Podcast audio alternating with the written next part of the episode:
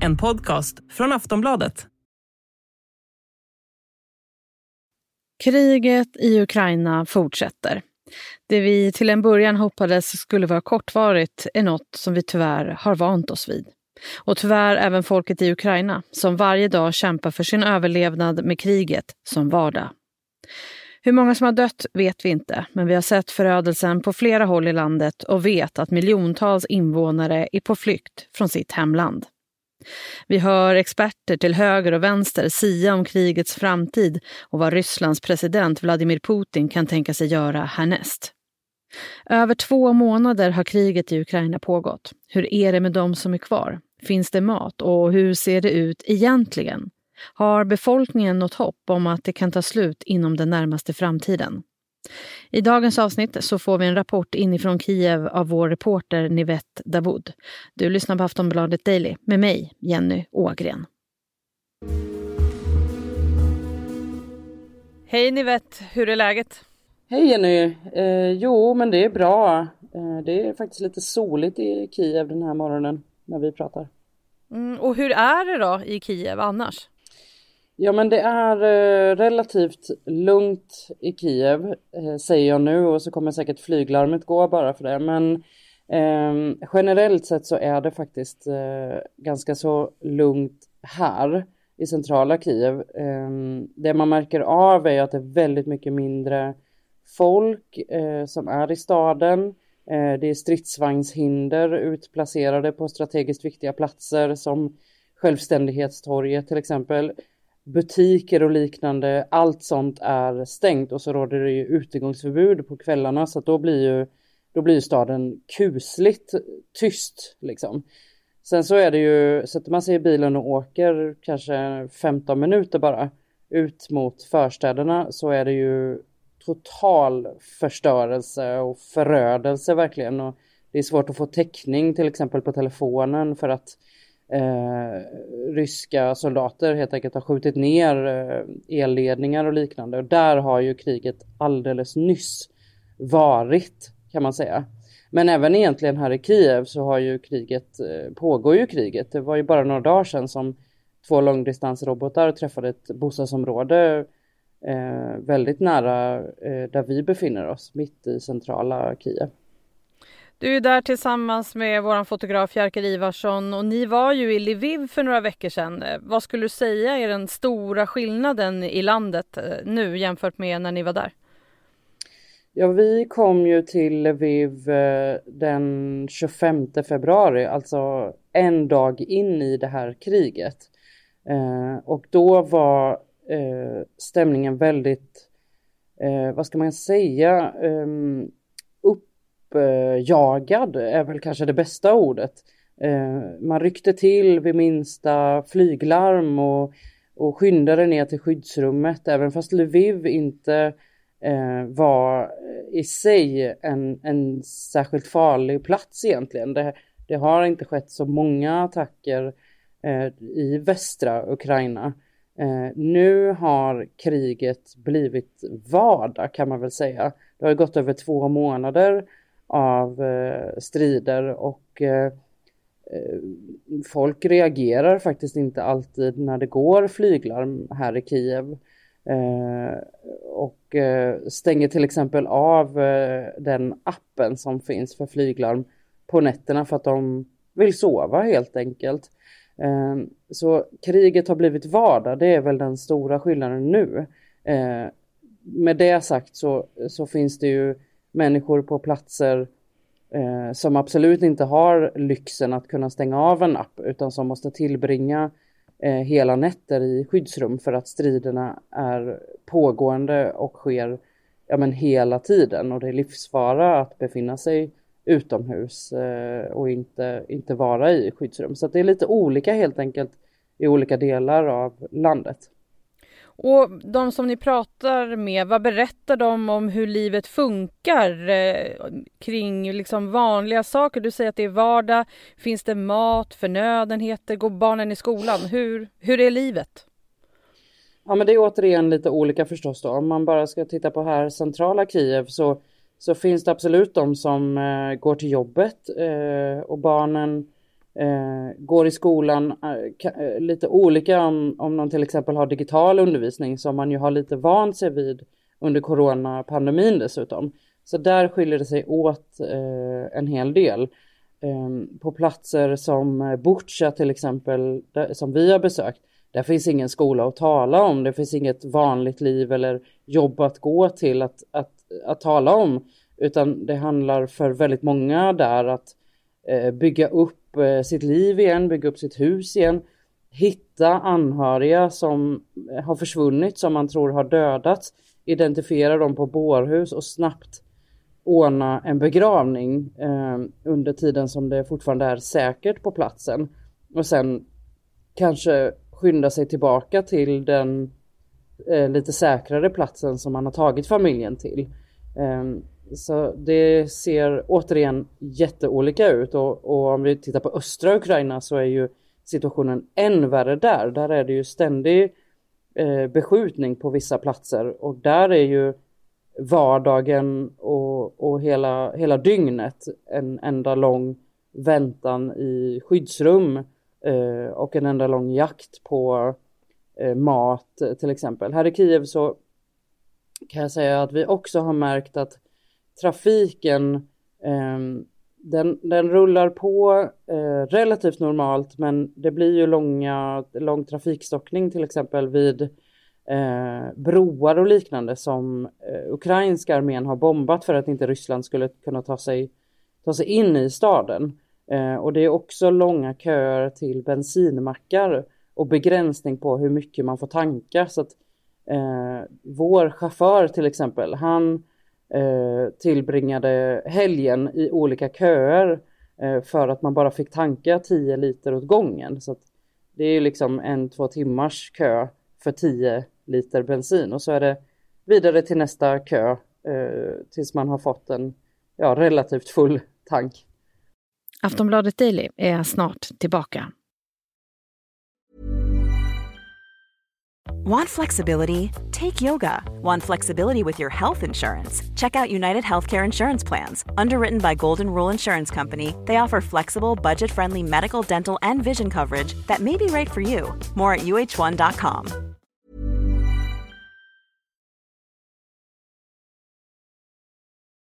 I början av april så möttes vi av bilderna från Butja med hundratals döda människor som låg på gatorna.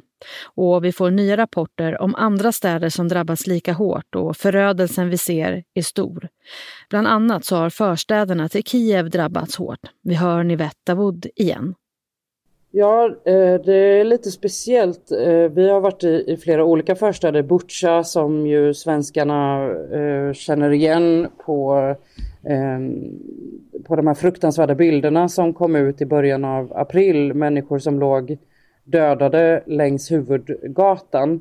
Ehm, vi har också varit i Irpin till exempel där det också finns en ikonisk bild på människor som gömmer sig under en eh, sönderbombad bro för att ta skydd från eh, flykten eh, från ryska styrkor. Eh, och när man kommer till de här platserna eh, så tänker man så här, oj, eh, det här eh, kanske, här måste de värsta striderna ha varit för att ingenting är helt, hela bostäder är eh, helt förstörda och, och, som sagt bårhusen är fulla av kroppar som inte har gått att identifiera för att de har blivit så svårt sargade. Eh, och vi får höra fruktansvärda historier om människor som har skjutits eh, trots att de har visat upp vit flagg eller det har stått eh, en skylt eh, där det står barn på, på bilen till exempel när man flyr. Men sen så åker man lite till och så kommer man till platser som är än mer förstörda och där hela bostadslängor är förstörda och där människor inte ens har kunnat komma tillbaka för att allting är minerat. Ehm, så att det är som att det när man tror att det inte kan bli värre så, så blir det ännu värre. Och eh, det som sticker ut är verkligen att den ryska militären som har tagit sig fram eh, har verkligen betett sig helt urskillningslöst och eh, ockuperat människors hem som, och använt dem som ja, men, verkligen eh, som svinstior eh, faktiskt. Det finns nog inget bättre ord. Det, det är liksom eh, saker som har total förstörts. Eh, eh, vi såg till exempel en sån här typisk eh, bild, bara en, en eh, almanacka, en religiös almanacka som, som helt enkelt bara hade hängt på väggen. Eh, som gissningsvis då ryska soldater hade valt att riva sönder. Det är ju liksom inte, det är ju inte ett hot, en, en pappersalmanacka, men, men eh, bara som en, som, ett, eh, som en bild av eh, hur man verkligen har plundrat och eh, förstört var man än har tagit sig fram. Hur är det med de som ni träffar? Har de något form av hopp om att det här liksom ska lösa sig inom kort? Ja, och det, det är det här som är så himla speciellt att eh, vi träffar människor som, som egentligen bara har kolrester kvar av sina hus men som är helt eh, bestämda och helt övertygade om att eh, vi ska bygga upp vårt hem, det ska, det ska bli ännu bättre än vad det var. Eh, vi tänker inte fly härifrån. Eh, Ukraina ska vinna det här kriget och vi eh, ska tillsammans hjälpas åt för att eh, få tillbaka eh, ett, ett eh, normalt liv. Det är otroligt hur hoppfulla och patriotiska människor är. Eh, I princip alla intervjuer och alla eh, liksom samtal som vi har avslutas med det här slagordet Slava Ukraini, att ära till Ukraina. Eh, det är liksom så människor bemöter varandra idag och folk är väldigt hjälpsamma. Vi blev till exempel bjudna på kaffe i en, ja, ett hem som mer eller mindre var en ruin för att det är klart att besökare måste ju få kaffe såklart. Det är sådana här eh, fina historier som som man verkligen tar med sig härifrån och, och man får känslan när man är här att ja, det, kanske, det är nog så att Ukraina kommer att vinna det här kriget, även om Ryssland ju eh, sägs ha den näst största krigsmakten i världen så är det tar nog ukrainarnas eh, hopp och stridsvilja dem väldigt, väldigt långt. Det har vi ju sett under de här dryga två månaderna. Vad har varit tuffast de här dagarna? Eh, att se förstörelsen och framförallt eh, att, att träffa människorna som har drabbats av den. Det var otroligt tufft att följa en begravning Eh, i Butja som vi gjorde för några dagar sedan där en eh, familj, en, en hustru, två små barn eh, och den här mannens eh, mamma eh, äntligen hade fått ut eh, kvarlevorna av eh, Sergej som han hette. Eh, han hade varit eh, borta sedan eh, början av kriget, 27 eller 28 februari. Han hann inte ens till sitt mål. Målet var att gå med i den ukrainska varianten av hemvärnet. Men han verkar ha blivit eh, skjuten eh, av ryska soldater innan han ens kom så långt. Och sen så fick hustrun veta via den här meddelandeappen Telegram att det här ser ut som Sergejs bil och fick då komma tillbaka till Butja, identifiera hans eh, kvarlevor, begrava honom väldigt snabbt och eh, provisoriskt eller vad man ska säga. Hon, hon stod liksom i jeans och i luvtröja och barnen hade sina liksom vanliga mjukisbyxor och, och gulliga kepsar på huvudet och plötsligt så skulle de begrava sin pappa. Det var otroligt sorgligt och väldigt, väldigt tungt att bevittna och samtidigt så sken solen och liksom brydde sig inte om att det här var den absolut mörkaste dagen i den här familjens liv. Så det var verkligen, ja det var väldigt, väldigt tungt eh, men också en vardag här i Ukraina och det känns ju fruktansvärt att det ska behöva vara så. Ni vet, eh, vad ska ni göra nu? Vi ska eh, åka till en av dessa förstäder. Eh, den här dagen ska vi åka till Borodjanka som är en av de här platserna som, som vi kom till där vi tänkte att nu kan det nog inte bli värre. Men jo, i Borodjanka så tror man faktiskt att det har varit än värre strider än i till exempel Butja.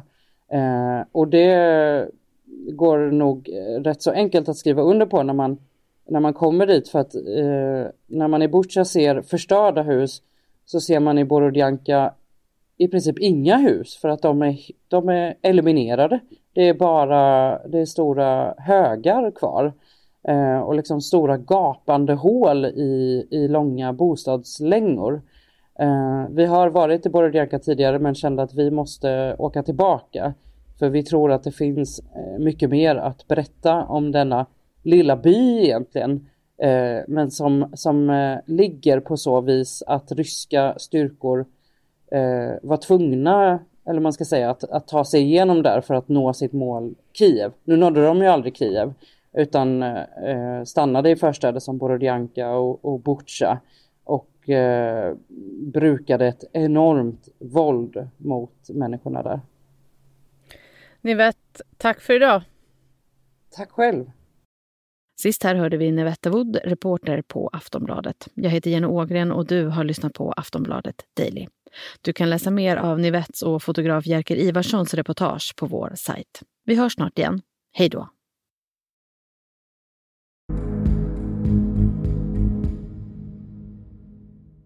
Du har lyssnat på en podcast från Aftonbladet. When you're ready to pop the question, the last thing you want to do is second guess the ring.